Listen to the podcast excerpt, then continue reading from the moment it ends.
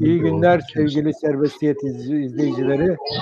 Yine bir açık oturumda birlikteyiz. Bu açık oturumda e, dört kişi, üç kişi olacağız.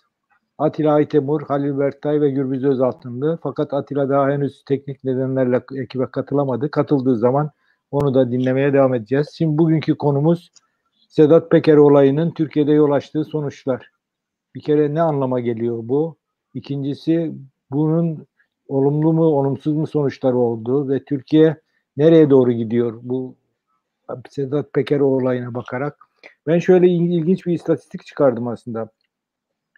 Her hafta e, artan bir seyirci veya izleyici kitlesiyle e, devam etmiş Sedat Peker ve bu hafta bildiğiniz gibi 10. hafta bir şekilde sustu.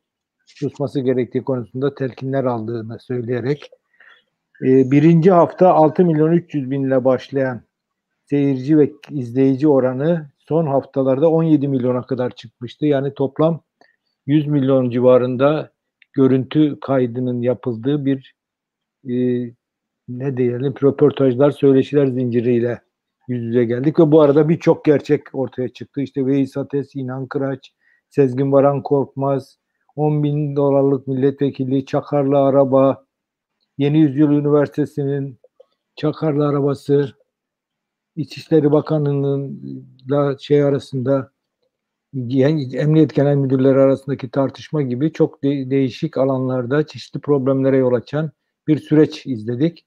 Bu süreci şimdi arkadaşlarımızla beraber değerlendirmeye çalışacağız. İstersen Halil Berktay'la başlayalım. Halil ne diyorsun? Bu Sedat Peker olayı ne anlama geliyor Türkiye açısından? Şimdi en basiti Sedat Peker olayı eski deyimiyle, klasik deyimiyle tam bir skandal, tam bir rezalet. Yani eskiden basılı basın, yazılı basılı basın, matbuat döneminde gazeteler böyle manşetler atarlardı. Skandal, ünlem ve arkasından skandalı tarif eden e, birkaç cümle gelirdi. E, bu muazzam bir olay. Skandalın skandalı. Her şey tel tel dökülüyor. Şöyle e, söyleyebilirim. Bütün bir hukuksuz ilişkiler, devletin kriminalleşmesi, mafya ile devletin iç içe geçmesi, bunun ötesinde Türkiye'de Yıllardır ve hatta on yıllardır kapitalizmin nasıl işlemekte olduğu, Türkiye kapitalizminin nasıl bir kapitalizm olduğu, sermayenin nasıl biriktiği, ekstra karların, süper karların, normal piyasa oranlarının ötesinde gelirlerin nasıl sağlandığı, basının nasıl ahlaksızlaştığı, basının devletle basının bazı sektörlerinin, bazı kesimlerin, bazı grupların, bazı kişilerin gerek iktidarla gerekse şu veya bu suç örgütüyle karanlık kuşakla nasıl iç içe geçtiğine dair Oral senin ifade ettiğin gibi tonlarla ve tonlarla şey ortaya dökülüyor. Bunların aslında her biri tek tek skandal. Mesela Veysi Ateş olayı aslında tek başına bir skandal. Paramount Oteli tek başına bir skandal. Sedat Peker'in koruması olayı tek başına bir skandal. Kimin koruma verdiği, kimin koruma vermediği, kimin geri çektiği, bütün bunların etrafındaki suçlamalar ve karşı suçlamalar tek başına bir skandal. En son dünden beri gözler önüne serilen bu Suriye'deki Türkiye'nin askeri varlığı sayesinde veya onun şemsiyesi altında ne gibi yağmalama yağmalanma olaylarının cereyan ettiği, zeytin ağaçlarına varıncaya kadar nelerin Türkiye'ye taşınmakta olduğu ayrı bir skandal. Bu Sedat Peker, Sedat Peker'in video kayıtları dediğim gibi bütün bunların önündeki tül perdesini bir anda çekip alıverdi. Aklıma şimdi Nereden nereye diyeceksiniz? Şiirsel bir ifade, bir metafor olarak Mehmet Akif'in Çanakkale Şehitleri şiiri geliyor. O Çanakkale Şehitleri şiirinin bir yerinde Mehmet Akif 20. asırdan bahseder. 20. asırdan bahsederken kastı batıdır. Mehmet Akif dönemin emperyalizminin ve sömürgeciliğinin etkisi altında batıya karşı topyekün bir reddediş içindedir. Daha sonra İstiklal Marşı'nın sözlerine bu medeniyet dediğin tek dişi kalmış canavar biçiminde yansıyacaktır. Çanakkale şehitlerinde de bunun ifadesi medeniyet değildir 20. asırdır. 20. asırdan çok güzel, çok çekici fakat sürekli aldatan bir kadın bir kahpe olarak söz eder ve yüzündeki maske yırtılmasa hakikaten afetti bize o yüzler. 20. asır veya Batı medeniyetiyle Türkiye arasındaki karmaşık aşk ve nefret ilişkisini anlatmak için. Bir şeyler bizi cezbediyor. Yüzünde aldatıcı bir maske var. Fakat o maske yırtıldığında bütün gerçeklik olanca çıplaklığıyla ortaya çıkıyor. Şimdi tabi konu değil ama benzetmenin yapısı geçerli. Sedat Peker de bir tül perdesini, bir maskeyi yırttı attı aslında ve ardındaki ardındaki tarif etmesi mümkün olmayan gerçeklik ortaya çıktı. Sedat Peker ne olursa olsun Sedat Peker'in hiç makbul bir adam olmadığı ortada. Kendisinin de bir suç örgütü lideri, bir mafya lideri, bir katil ya da katillere emretmiş, kumanda etmiş bir adam, bin türlü karanlık ilişkinin içindeki bir adam olduğu ortada.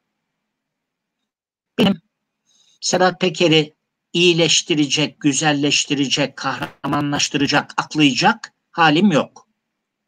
Ama söyleyene değil söyletene bak demişler. Bazı dinamikler, bir takım olaylar, iç çekişmeler, çelişmeler Sedat Peker'i konuşmaya sevk etti. Ve Sedat Peker de maske yırtılmasa hala bize afet olacak bir yüzün, güzel kadın anlamında afet olacak yüzün, üzerindeki, gözündeki maskeyi çekip aldı ve bütün bu gerçekler ortaya döküldü. Şimdi benim sormak istediğim birinci soru, sormak ve cevaplamak yani kendi kendime sormak ve cevaplamak istediğim birinci soru, bu tür skandallar hangi tür siyasal sistemlerin hangi aşamasında patlak verir? Bu çok önemli bir mesele. Bu söyletene bak faktörü açısından çok daha edici bir mesele. Bir dakikanın Ama demokratik efendim bir dakika içinde toparlarsan iyi olur. 10 dakikaya giriyoruz çünkü. Normal normal demokratik rejimler vardır. Yani seçimli demokrasinin olağan kuralları içinde gelen ve giden, başkası gelen ve o da giden, toplumsal ve siyasal her türlü dinamik ve faktöre hegemonik bir şekilde kumanda etmeye kalkmayan, hegemonik bir şekilde kumanda etmesi söz konusu olmayan rejimler.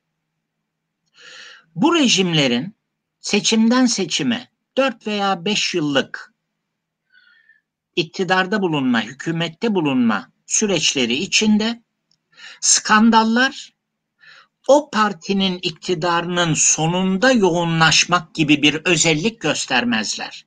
Skandal her zaman olabilir. Rezalet her zaman olabilir. Birileri çağdaş deyimiyle whistleblower, açıklayıcı, ihbarcı kesilebilir. Bunun kendine has bir ritmi yoktur. Ancak özel bir tür rejimdedir ki bütün sosyal ve siyasal güçler üzerinde hegemonya kurmuş olmak iddiası vardır. O rejimler bu iddia yanlışlanmaya başladığı zaman bu hegemonya iddiası zayıflamaya ve çatırdamaya başladığı zaman böyle skandalların birdenbire su yüzüne çıkmasına sahne olur ve bu genellikle bir zayıflama ve çatırdama aşamasıdır. Bence Sedat Peker açıklamalarının, ifşaatının işaret ettiği kritik nokta bu.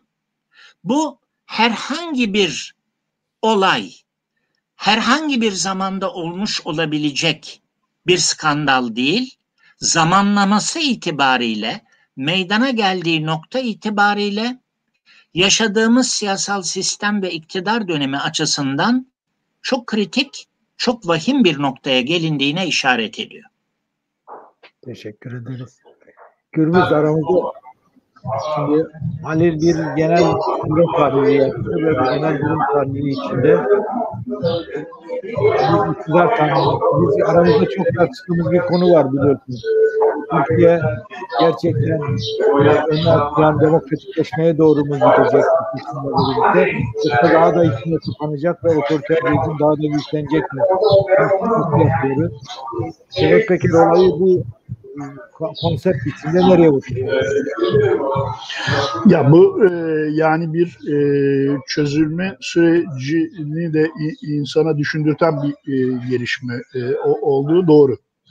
E, ama ben bunun kendiliğinden bir e, çözülme yaratıp yaratmayacağı konusunda e, endişelerim var. Ama e, şöyle bir şey var hakikaten ben e,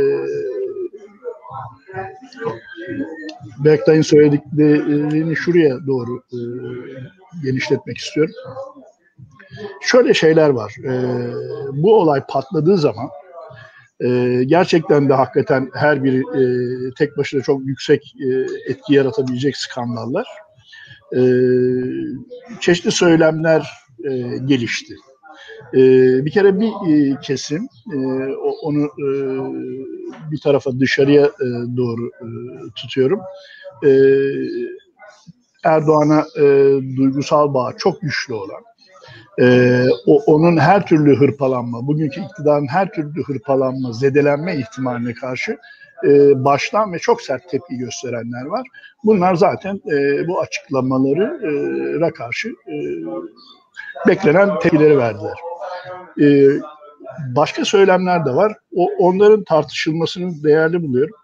E, birincisi e, bütün devletlerde bu tür e, illegal e, sektörler vardır.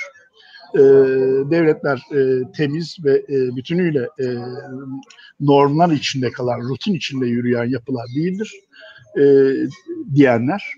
Bu, bu açıklamayı bu tür cevaplarla e, karşılayanlar, bu ifşaatları. E, ikincisi Türkiye özelinde Türkiye'de zaten hep bir tarih boyunca böyle bir derin e, yapının suç örgütleriyle iç içe yürüyen bir takım e, güç odaklarının e, var olduğunu söyleyenler. Bir de e, şeyler var. E, ya bundan da bir şey çıkmazcılar var. E, bunlar e, şöyle bir noktada galiba kesişiyorlar. Önemsizleştirme noktasında e, kesişiyorlar. Bu önemsizleştirme, yeni durumu görmezlikten gelme, yeni durumu farklı hallerden e, ayırma e, tutumunu e, hiç doğru bulmuyorum. Çünkü öyle değil bence. E, birincisi hani bütün devletlerde e, işte e, bu, bu tür hakikaten e, legalite, rutin dışına çıkan e, bir takım e, alanlar, sektörler, kurumlar e, vardır ve olabilir. E, bu doğrudur. E, ama bunlar bu kadar denetimsiz, bu kadar geniş alana yayılmış, bu kadar iktidar e, kullanımını belirleyen e, yapılar e, olamazlar. Yani bunlar her halükarda bir şekilde kurumlar tarafından ve e, açın, açıklanmamış belki bir takım normlar üzerinden denetlenirler.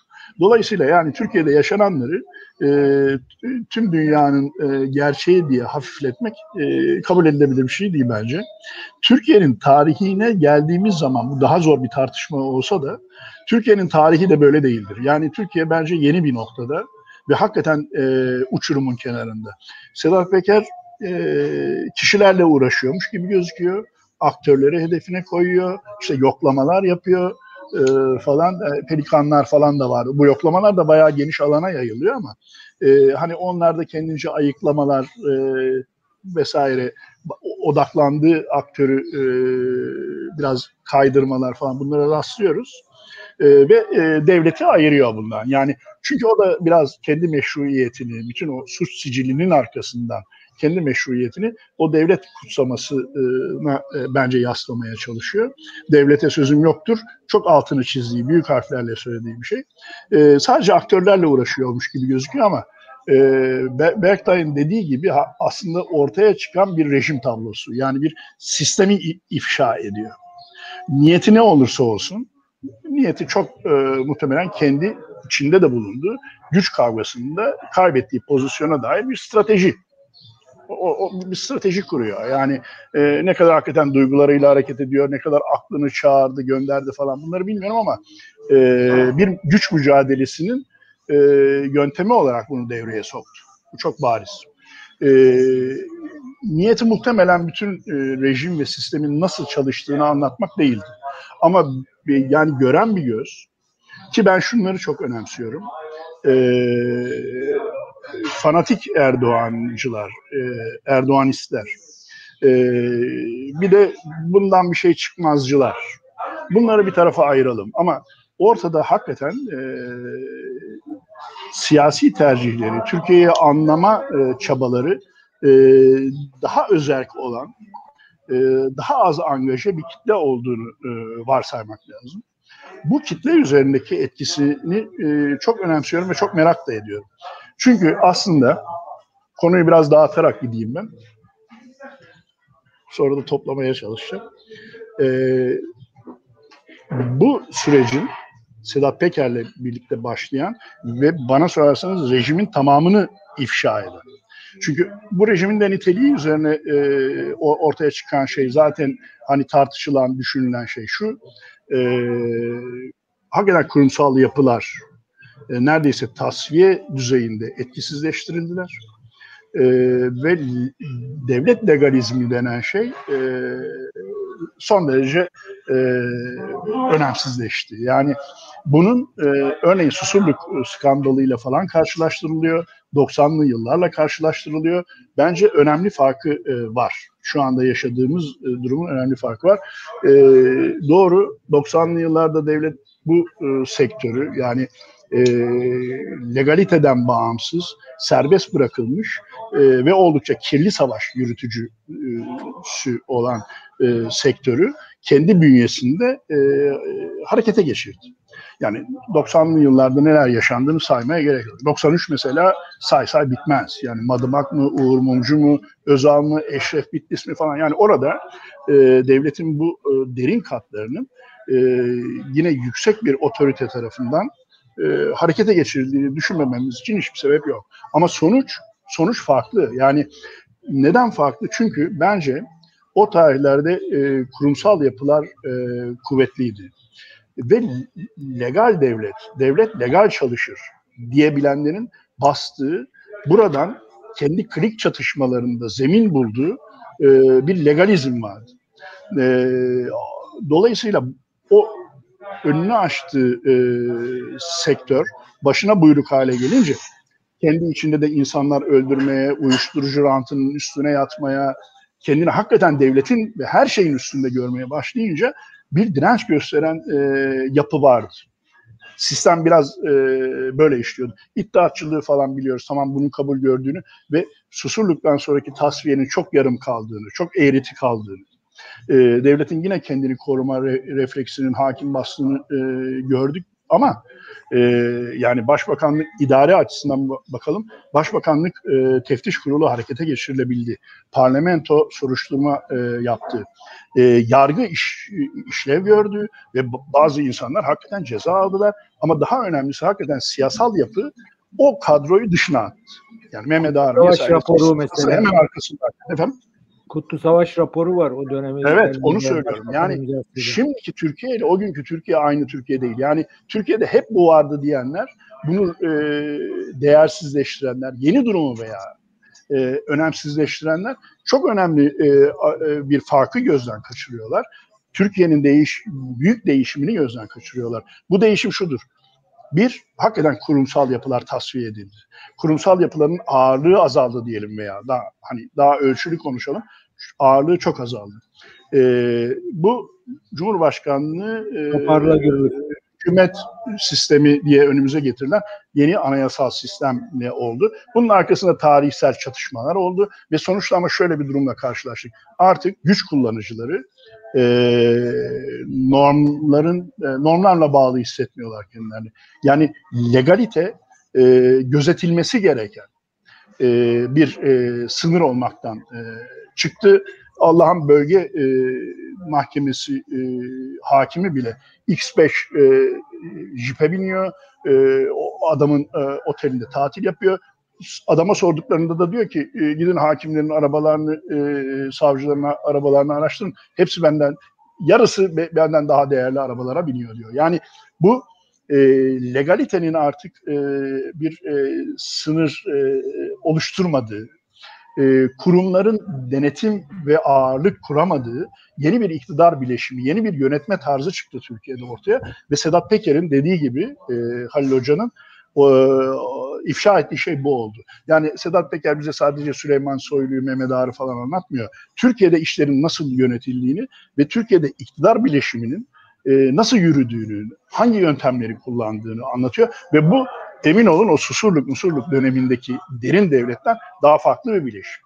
Yani bu buradaki durum ne diğer devletlerde de böyle hani e, şey vardır, derin yapılar vardır, e, illegal sektörler vardır e, la ifade edilebilecek, benzer e, olduğu söylenip e, küçümsenecek bir durum. Ne de kendi tarihimizdeki örnekleriyle karşılaştırıp zaten Türkiye'de vardı denecek durum. Bu çok yeni bir durum. Bir kere bunun ayrımına varmakla başlamak lazım işe diye düşünüyorum. Bu yeni bir durum. Yani e, iktidar artık legaliteyle e, kendini hiç bağlı hissetmiyor. En alt e, aktörlere kadar yansımış bu. En alt aktörlere kadar. Yani e, medya ve yargı sistemi niye zaten legalite hakikaten e, işlemiyor ve öncelikli gözetilmesi gereken bir sınır olarak e, yöneten güçler tarafından ciddiye alınmıyor. Hatta toplum da bunu normal görmeye başladı. Sebebi şu, yargı diye bir şey yok. Legaliteyi kollayacak olan, hakemlik yapacak olan, suçtan koruyacak olan yapı siyasi tahakküm altında. Bu çok açık, hepimizin gördüğü bir şey. Hepimizin gördüğü bir şey. Yani e, medyaya bakın, haber yok. Yani e, bu ne yapıyor? Hakikaten en formel ilişkileri ve e, suç e, alanını e, iktidar katında acayip genişletiyor. Yani şeye benzemez bu. Bilmem e, Albay North'un İran'a e, silah satmasına benzemez ve adamdan hesap sordu o sistem. Kendi göz yumdu, kendi yaptığı hesaplar sordu. Yani dünyanın her yerinde oluyor'a benzemez. Mehmet Ağar'ın da bir hafta, on gün sonra istifa ettiği Susurluk Türkiye'sine de benzemez. Yeni bir durumla karşı karşıyayız, onu söylemek istiyorum. Bu da e, yeni rejimdir yeni rejimi anlatıyor bize e, Sedat Peker. E, aktörleri anlatmıyor aslında yani şeyi falan değil. Süleyman Soylu'yu falan değil. Süleyman Soylu'nun iktidarın bu durumu nasıl karşıladığını da ayrıca tartışalım. Bence çok hazırlıksız yakalandılar. Bence hakikaten bir dağınıklık var. Ee, Binali Yıldırım'ın oğlunun Venezuela'ya seyahatine ilişkin yapılan açıklamalar falan. İşler acısı bir sürü şey, bir sürü şey, Veys ateş falan yapın. Neresinden tutsanız bir tel tel dökülme var tabii doğru. Ama yeni bir durum var Türkiye'de. Yani bu eskiden de Türkiye böyleydi ya da dünyanın bütün devletlerinde vardır. Bu argümanlar geçersiz onu söylemek istiyorum. Şimdi bir iş adamı arkadaşım şeyi anlatıyor. Ankara'ya diyor gidiyorum iş takibi için, yatırımlar için falan. Şöyle bir tabloyla karşılaşıyorum. Bakanlıkların bir katı bürokratlardan oluşuyor. Bildiğimiz geleneksel devlet yapısının maaşlı, kadrolu, tecrübeli, deneyli bürokratları. Bir katta ise danışmanlar var diyor. Onlar ise diyor bürokrasiyle şeyle ta, bu o bakanlığın o genel müdürlüğün tarihiyle falan ilişkisi olmayan insanlar. İşler diyor şeyde görülüyor. Danışman, danışmanlar kurulunda ve tabii hiçbiri kuralı, kitabı bilmeyen veya öyle bir ihtiyaç hissetmeyen bir, bir şekilde yürüyor. Ve diyor yani ne yapacağımızı şaşırmış durumdayız. Şimdi bir bu tablo e, çok önemli. İkincisi şimdi Türkiye'nin ben hep söylerim şeyleri vardır, sigortaları vardır. Mesela askeri darbe gelir, askeri darbeyi geldiği gün ilan eden Cunta'nın başı en yakın zamanda normal demokratik rejime geçeceğiz diye açıklama yapar. Çünkü Türkiye'yi normal demokratik rejim dışında bir şeyle yönetmek ve uzun vadeli yöneteceğini iddia etmek kimsenin gücünün yetmediği bir şeydir. Yani 12 Mart'ta da 12 Eylül'de de 27 Mayıs'ta da darbeciler çok kısa sürede sivil yönetime iktidarı devretmek durumunda kalmışlardır. Şimdi böyle bir sigortaları olduğunu gösteriyor Türkiye'nin. Yani şimdi bu sigortalar bence zorlanıyor ve bu sigortaların zorlanmasının artık bir noktadan itibaren patlak verdiği bir olay bence Sedat Peker. Yani Sedat Peker'in yerinde yalnızca o Sedat Peker olmaktan da çıktı. Başka bir sürü olay var. Yani artık olaylar yani mesela başlı başına bu şey olayı SBK dedikleri Sezgin Baran Sezgin Korkmaz, Baran Korkmaz olayı yani başlı başına bir uluslararası felaket durumunda. İşin içine girenler, paraları alanlar, paraları dağıtanlar, ondan parayı devralanlar böyle bir hale gelmiş ki her şeyin vıcık vıcık olmuş.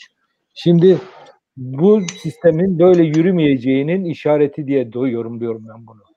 Bu işi böyle götürebilirler diye düşünen arkadaşlara veya düşünen düşünürlere e, bunun artık böyle yürümesinin mümkün olmadığını, Türkiye'nin e, herhangi bir Türk Türkiye ülke olmadığını, Azerbaycan olmadığını, Türkmenistan olmadığını, Türkiye'nin bir imparatorluk geleneğine sahip olduğunu, bir devlet geleneğine olduğunu ve sigortalarının fazla zorlanması halinde toplumun barışçı yollarla buna gereken dersi seçimlerde vereceğini şimdiye kadarki tecrübeler gösteriyor. Ben gidişin o yönde geliştiğini ve bütün ortaya çıkan bu tür malzemelerin de Türkiye'de artık işlerin bu şekilde yürütülemeyeceğinin bir ifadesi ve şey olduğunu, tanığı olduğunu düşünüyorum ve bu nedenle geldiğimiz noktanın e, artık yönetilemez bir Türkiye haline doğru dönüştüğünü, yönetilemeyen Türkiye'nin yönetecek yeni seçimleri, seçmenleri e, yaratacağını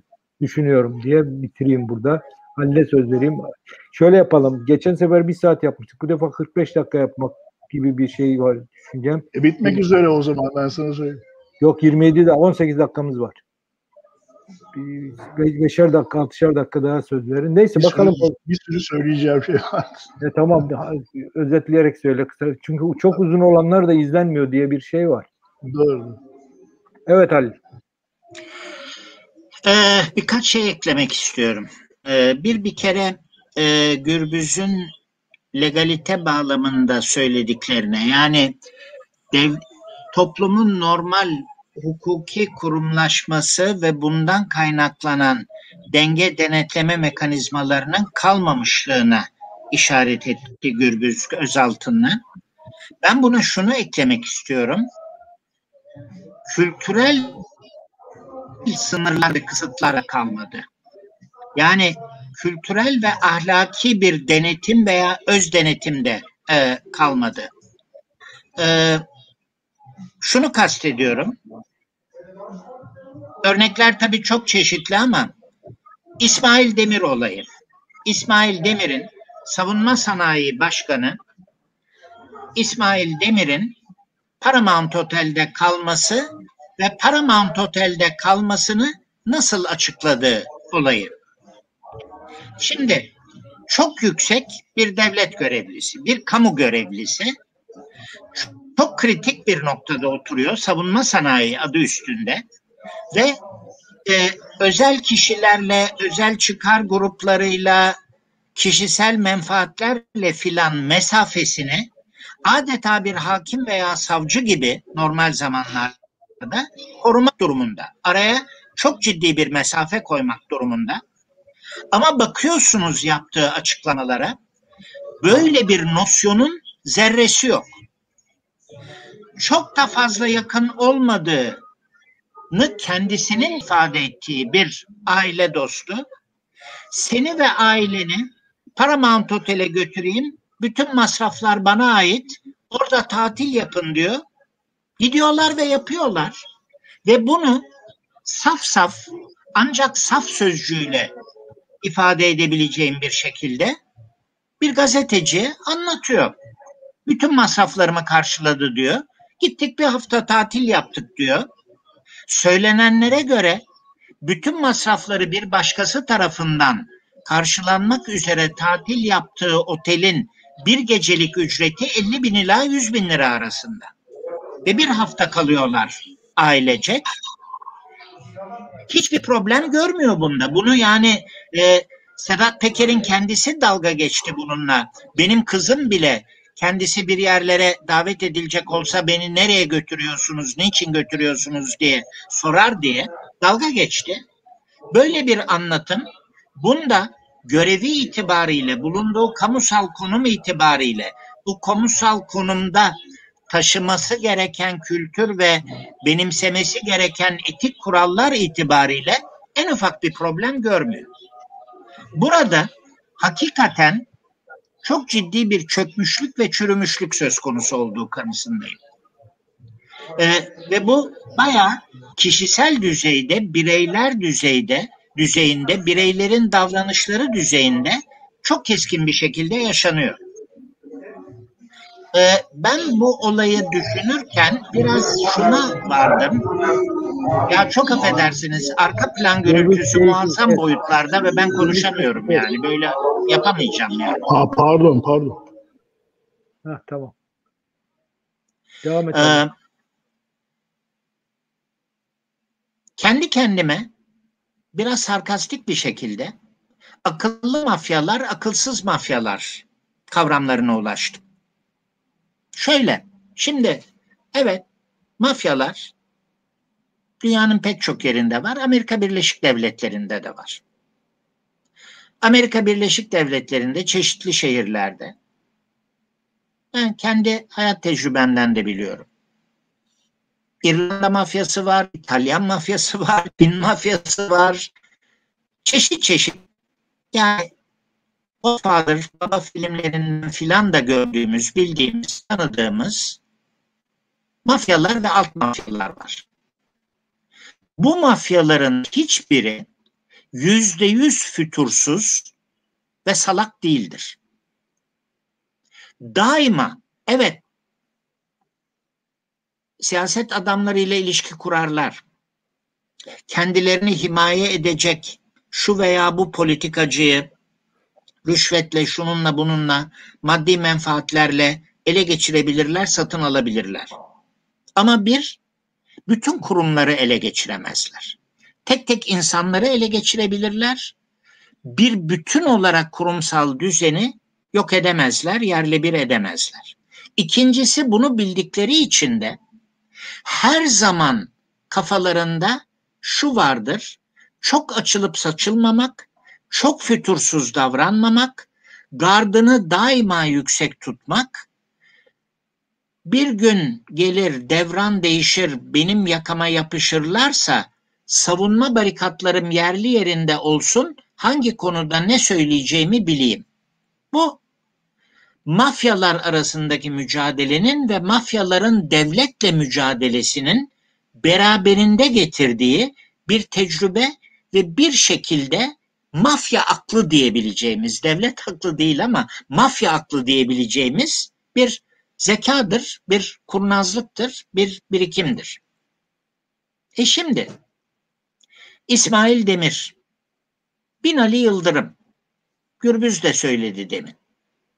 Binali Yıldırım'ın oğlunun Venezuela'ya niçin nasıl gittiği, ne yaptığı vesaire konusundaki açıklamaların iler tutar hiçbir tarafı yok. Ben buna açıkçası akılsız mafya sendromu diyorum.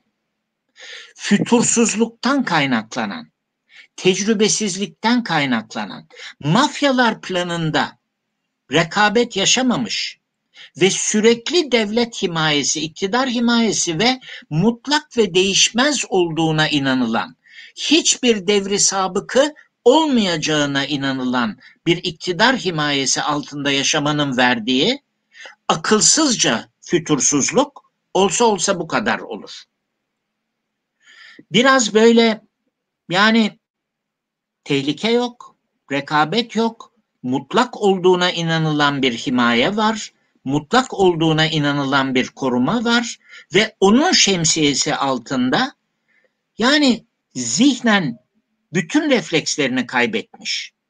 İcabında hesap sorulması ihtimaline, icabında işlerin aleniyete dökülmesi ihtimaline karşı bütün savunma reflekslerini kaybetmiş ve bombası patladığında ne yapacağını bilmeyen bir dediğim gibi başka sözcük bulamıyorum. Refleksleri körelmiş, refleksleri hiç olmamış bir akılsızlık. Bence bu kültürel sendrom nelerin yaşanmakta olduğuna dair çok şey söylüyor. Şöyle bir şey olsa, savunma refleksleri yerli yerinde olan bir mafyalaşma, bir kriminalite vesaire görsem başka türlü yorumlar yapabilirim.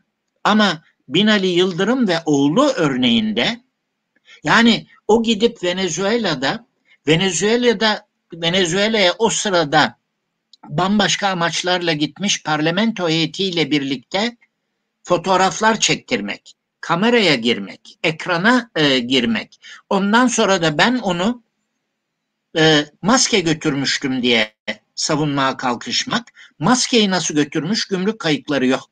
O zaman da ilk aklına gelen şey valizde götürmüştüm, bavulda götürmüştüm.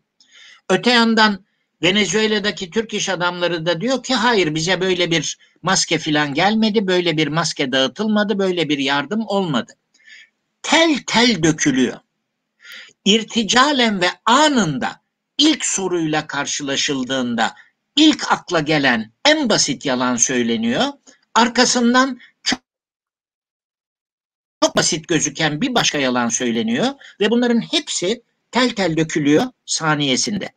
Burada hakikaten Gürbüz'ün dediği gibi yani böyle böyle kirlilikler, böyle bir alacakaranlık kuşağı, böyle bir yeraltı dünyası bütün devletlerde olur ile açıklanamayacak başka türlü çok daha ileri boyutlara başla, e, ulaşmış, çok daha e, berbat bir şekilde kangren olmuş, hakikaten yani daha önce emsali olmadığı için nasıl tarif ede- edebileceğimi kolay kolay bilemediğim bir dünya söz konusu. Şunu e, ekleyeyim. E, yani sen mafya e, cephesinden e, o, o, o pervasızlığı Peki bir şey o, o, soracağım. Gürbüz. Ee, konuyu bir başka yere Şimdi e, Sedat Peker'in milyonlarca insan tarafından izlenmesinin anlamı ne? Yani şimdiye kadar yaşadığımız... Ben, bundan, ben buna doğrusunu istersen şaşırmıyorum. Bir kere e, e, en başta izle, izleyicilerinden biriyim. Yani o hani kıymetli dostlarım falan dediklerinden değilim tabii ama hani e, ulan bu adam yine ne anlatacak? Bir kere anlattığı konuların ilgi çekmemesi mümkün değil. Yani e, herhangi bir ideolojik e, şeyiniz olmasa, angajmanınız olmasa, hatta siyasete ilginiz sönük bile olsa e, böyle bir aktörün ortaya çıkması, bir de tiyatral bir adam hakikaten. Yani e, an, anlatımında başarılı, e, cazibeli bir adam. E, ve bu bir toplumsal e, şeyi de var, bulaşıcılığı da var bunun. Yani sağındaki konuşuyor, solundaki konuşuyor falan ve konular tabii ilginç. Yani bunları film yapsanız e, şey yaparsınız yani gişe yaparsınız. Gişe yapar. Konuların ilginçliği bir yandan e, var. Bir yandan e, e, muhalefetin e, hakikaten e, bir sıkışmışlığı, bir tatminsizliği, kendi e, siyasal aktörleri e, üzerinden yeterince öfkesinin tatmin edilememesi e, gibi bir e, duygu dünyası da var. Ve bunlar e, tabii çok ilgiyle izliyorlar. E, iktidar kanalında e, muhtemelen tabii kızgınlıkla izliyor. Yani Sedat Peker'in çok izleyici bulmasının bana sorarsanız hem e, konjonktürel hem de yapısal nedenleri var öyle diyeyim. Yani hem konular çok cazibeli hem de hakikaten Türkiye'nin konjonktüründe e, etkili tokat atan yani kimsenin bunların... söyleyemediklerini söyleyen bir e, hırpalayıcı, bir iktidar sarsıcı aktör olarak devreye girdi. E, böyle dinleniyor. Ben en çok şunu merak ediyorum. Lafı biraz oraya getireceğim. Çünkü Türkiye'nin kaderini biraz onların belirleyeceğine ben çok inanıyorum. Bu iktidarda kendiliğinden bir çözülme, istifa, iç çatışmanın getirdiği bir dağılma. Mesela ben bunları bekleyenlerden değilim. E, hırpalanır, e, oradan buradan kuyruklar kopar falan ama hakikaten çok önemsiz unsurların başı yanabilir. Ama yukarıda bir şemsiye var ve e, o, o şemsiyenin de bir şeyi var yani e, ontolojik bağı var. Bunlar hakikaten hem açılmış en formel iktidar güç kavgası alanına olanca hırslarıyla dalmışlar, itişiyorlar ama hem de kopamazlar gerçekten. E, ve bir sürükleniş yaşıyor Türkiye ve bu tabii bence yönetilmesi de son derece zor bir yapı. Erdoğan'ın da bana sorarsanız çok zorlandığını düşünüyorum. Yani iktidar bununla e, karşılaştığında e, bence çok şaşırdı. Yani e, 20 gün falan susmak sonra gönülsüz bir e, e, ben gönül, gönülsüz buluyorum bir itmeyle e, söylenmiş laflar. E, çünkü kendi itibarına, prestijine de e, uzanacağını düşündüğü bir e, kriz yaşanıyor falan. Ama bir yandan da şunu gösteriyor. O iç çatışma öyle e, bir kıvama gelmiş ki hakikaten Erdoğan da dahil bağımsız tek başına bütün sahaya hakim olan bir aktör yok. Bütün sahaya hakim olan bir aktör yok. Bu bir yönetim krizi. Ama yönetim krizinden bir e, çözülüş e, çıkar mı? Bir itiş lazım. Bu itiş bence seçimlerdir. E, seçimlerle olacak bu iş. Lafı oraya getirmek istiyorum çünkü bu hakikaten önemli bir tartışma. E, muhalefet siyasetlerini ya da bunu başka bir zaman tartışalım ama muhalefet siyasetlerine ben de e, bir, bir, bir yazımda yazdığım e, bir cümleye de e, Halil Bektay'dan e, had bildirici bir cevap gelmişti ki sonradan düşününce hak verdim. Yani öyle tumturaklı muhalefete akıl öğreten, ondan sonra onun yetersizliği üzerine e, bir e, dil kuran, e, şeylerde daha soldan bakanlarda da çok sık rastlıyoruz bunu. Yani e, bir Ahmet Şık mesela programı izledim. Niye sokağa çıkmıyorsuncu e, bir dil? Tamam. Bunlar gerçekçi değil. Yani ama bu toplumun bilincinde hangi bilincinde? Ortada o kararsızlar denen alan durmadan genişliyor ve bu Türkiye için kader belirleyici bir e, kümeden söz ediyoruz. Şimdi bunların bilincinde bunlar ne iz bırakıyor? Bizim bu soruyu sormamız lazım. Yani e, muhalefetin HDP ile bir blok oluşturmaktan kaçınma politikasını e, süzerken, tartarken, kritik ederken de yine buradan bakmak lazım. Yani bunlar çünkü düne kadar AK Parti destekçileriydi. Bunlar bir takım ideolojik e, po politik angajmanlarla uzaklaşıyorlar. Yani bunlar uzaklaşıyorlar ama öbür tarafa karşı yani e, yeni bir alternatife karşı da e, çok açık değiller. Bunu kim kazanacak ve hangi siyasetlerle kazanılır? Bu bana sorarsanız e, Türkiye'nin en önemli sorunu. Çünkü bu iktidar bütün buralarla gitmeyecek ama hırpalanacak. Hırpalanırken bu kimin hesabına yazılacak? Bu bana sorarsanız muhalefetin hesabına yazılması lazım. Muhalefetin izlediği siyaseti de eksiklerini tartışırız ama e, doğrusunu isterseniz ana hatlarıyla doğru buluyorum doğru buluyorum. Yani e, evet korkuları var. E, o, o, korkularla e, mesela bir HDP'nin de içinde olduğu bir blok görüntüsü vermek istemiyorlar. Kendi işlerinde de zaten o konuda e, ama çok renkli e, bir muhalefet var ve daha önemli bir şey şu belki Türkiye'de e, şey bozuldu. Yani e, geleneksel angajmanlar bozuldu. Mesela sol sol ve sağ bozuldu. Yani sağcı olarak gören kendini muhalifler var, sağcı olarak gören iktidar destekçileri var. Bana sorarsanız laik, dindar e, ayrımı da bozulur. Çünkü e, Davutoğlu a, a, bir aktör olarak sahaya çıktı. E, yine e, AK Parti önemli sorumluluklar almış. Babacan e, son derece sağduyulu bence bir sesle. Başka daha ılımlı ama akılları yakalamaya çalışan bir tarzda sahaya çıktı Saadet Partisi'ni e, nereye oturtacağım şimdi bilemiyorum ama netice itibariyle bazı eksenler bozuldu. İktidarı ayakta tutan eksenlerdi bunlar. Yani sol sağ ya da dindar laik ayakta tutan eksenler. Bunlar bozulmaya başladı ve aradaki e, seçmen açısından bence bir geçirgenlik ortamı oluştu. Yani kendini sağcı görenler AK Parti'ye giderken şimdi başka e, muhalefette muhalefette de baktıkları zaman e, Akşener'i e, görüyorlar. E, AK Parti içinden çıkan siyasi aktörleri, partileşmeleri görüyorlar falan. Yani e, artık e, AK Parti'nin o kutuplaşma e, tırma siyasetinde elinde kalmış tek silah var. E, millilik, e, dış düşmanlar vesaire falan. Bunun üzerine gidiyor her şey. Sağ sol evet, dağıldı. Devam edelim. Buradan ben devam edeyim. 3-5 cümle söyleyeyim. Halil'e söz veririm. Ee, şimdi bir kere bence muhalefet tarihinin en ileri dönemini yaşıyor. Yani 5 sene önceki Cumhuriyet Halk Partisi ile bugünkü Cumhuriyet Halk Partisi'ni karşılaştırın. Kürt meselesinden Avrupa Birliği'ne, demokrasiden insan haklarına kadar her alanda büyük bir değişim yaşadı. Yani 2015'ten, 2013'ten önceki CHP'yi düşünsenize nereden nereye geldi. Aynı şekilde Ali Babacan, Ahmet Davutoğlu, Meral Akşener, HDP bütün bunlar büyük bir değişim yaşadılar ve birbirlerinin varlığını kabul eden yeni bir çoğulcu kültüre doğru ilerliyorlar ve bu Türkiye açısından önümüzdeki dönemin belirlemesi bakımından çok büyük bir şans. Yani şey şimdi HDP diyoruz değil mi? HDP de bence 2019 İstanbul seçimleriyle birlikte bir ders aldı. O ders nedir? Seç, Kürt seçmen kitlesi dedi ki silah değil benim oyum daha etkilidir dedi ve Öcalan'a rağmen gitti oyunu CHP'li adaya verdi. Bu çok kritik bir şeydi. Bir mesaj içeren bir şeydi. HDP'yi de güçlendiren bir şeydi.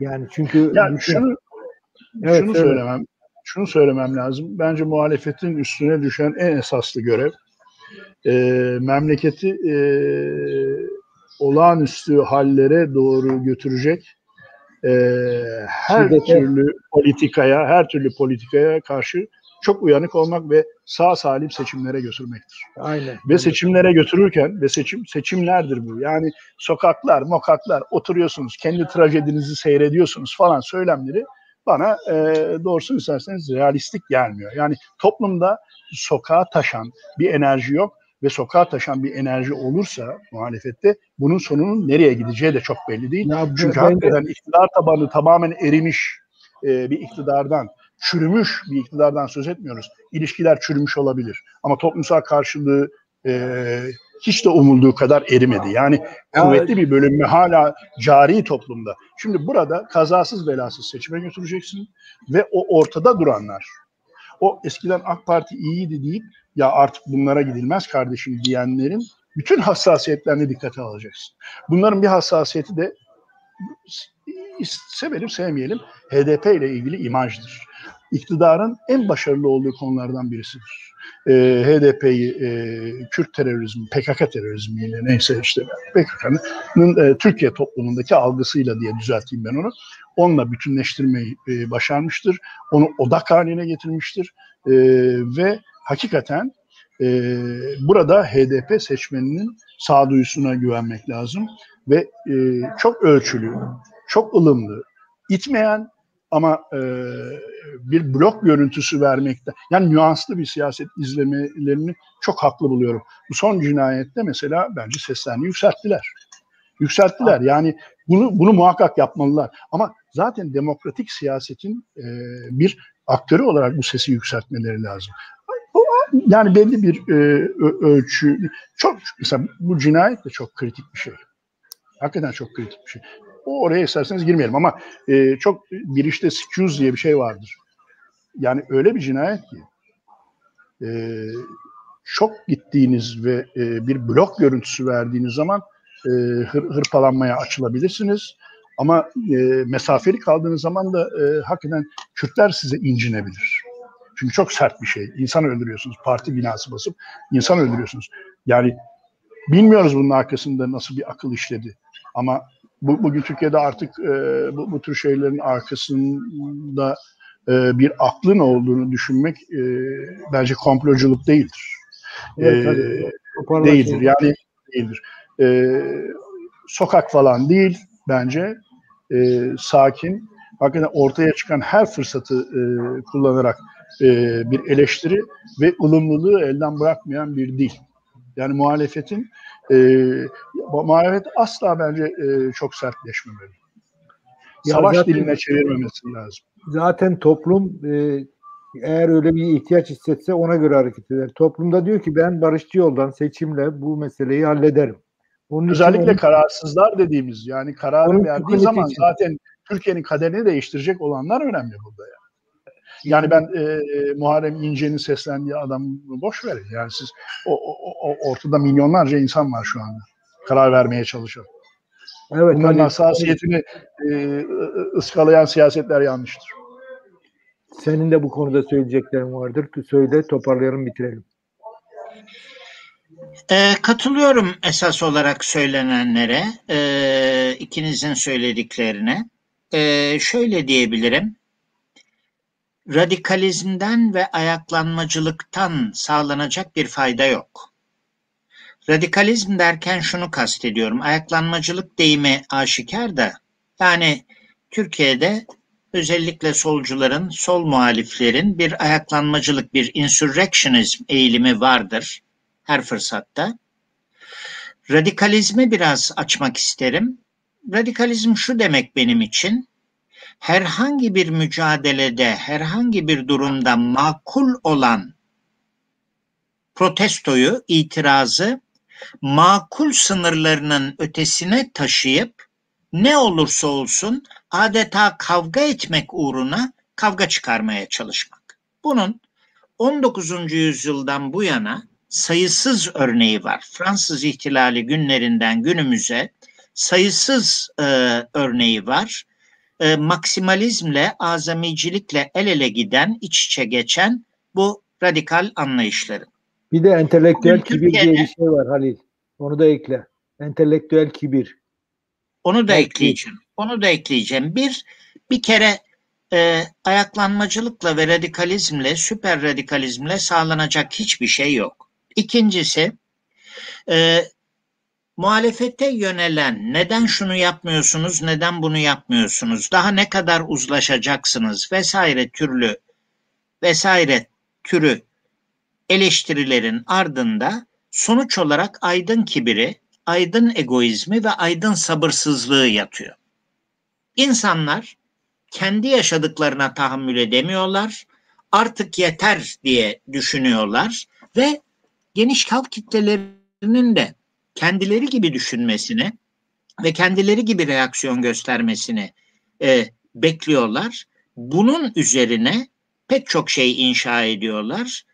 Bu yüzden bu temelde bu halet ruhiyeyle e, iktidarı bırakıp daha fazla muhalefetle e, uğraşmak şeklinde bir profil çizebiliyorlar. Şimdi burada şöyle bir parantez açmak istiyorum. Ben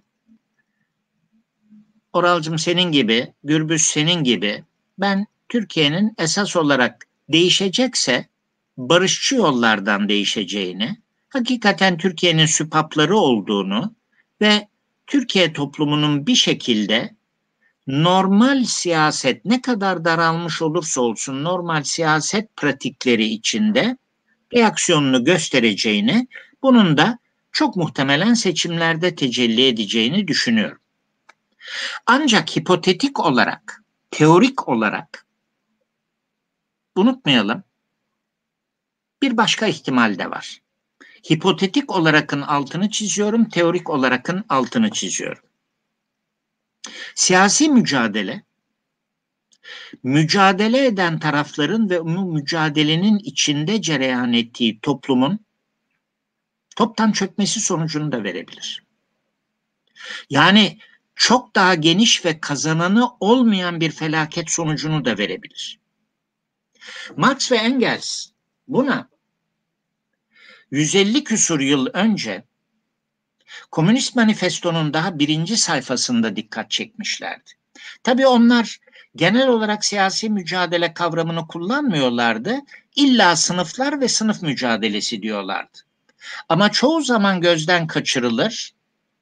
Komünist Manifesto'nun 1848'de daha ilk paragraflarında Marx ve Engels tarih boyunca görülen sınıf mücadeleleri bazen bir sınıfın diğerini alt etmesi sonucunu ama bazen de savaşan sınıfların birbirlerini topyekün imha etmeleri ve bunun tam şimdi sözcüklerini hatırlamıyorum ama genel bir toplumsal çöküşe yol açması sonucunu da verebilir diyorlar. Kendimizi sınıf ve sınıf mücadelesi kavramlarıyla sınırlamazsak, bunu daha geniş anlamda yorumlarsak bu çok önemli bir ders. Ve bunun 20. yüzyıl tarihinde çok çeşitli örnekleri var. Savaşan tarafların, mücadele eden tarafların e, her şeyi berhava eden, edebilecek bir tavra yönelmelerinin böyle bir süper radikalizmin pek çok örnekleri de var. Bu olacak demiyorum. Bu muhalefetin ne yapabileceğini ve ne yapması gerektiğini anlamak bakımından önemli bir olasılık diyorum.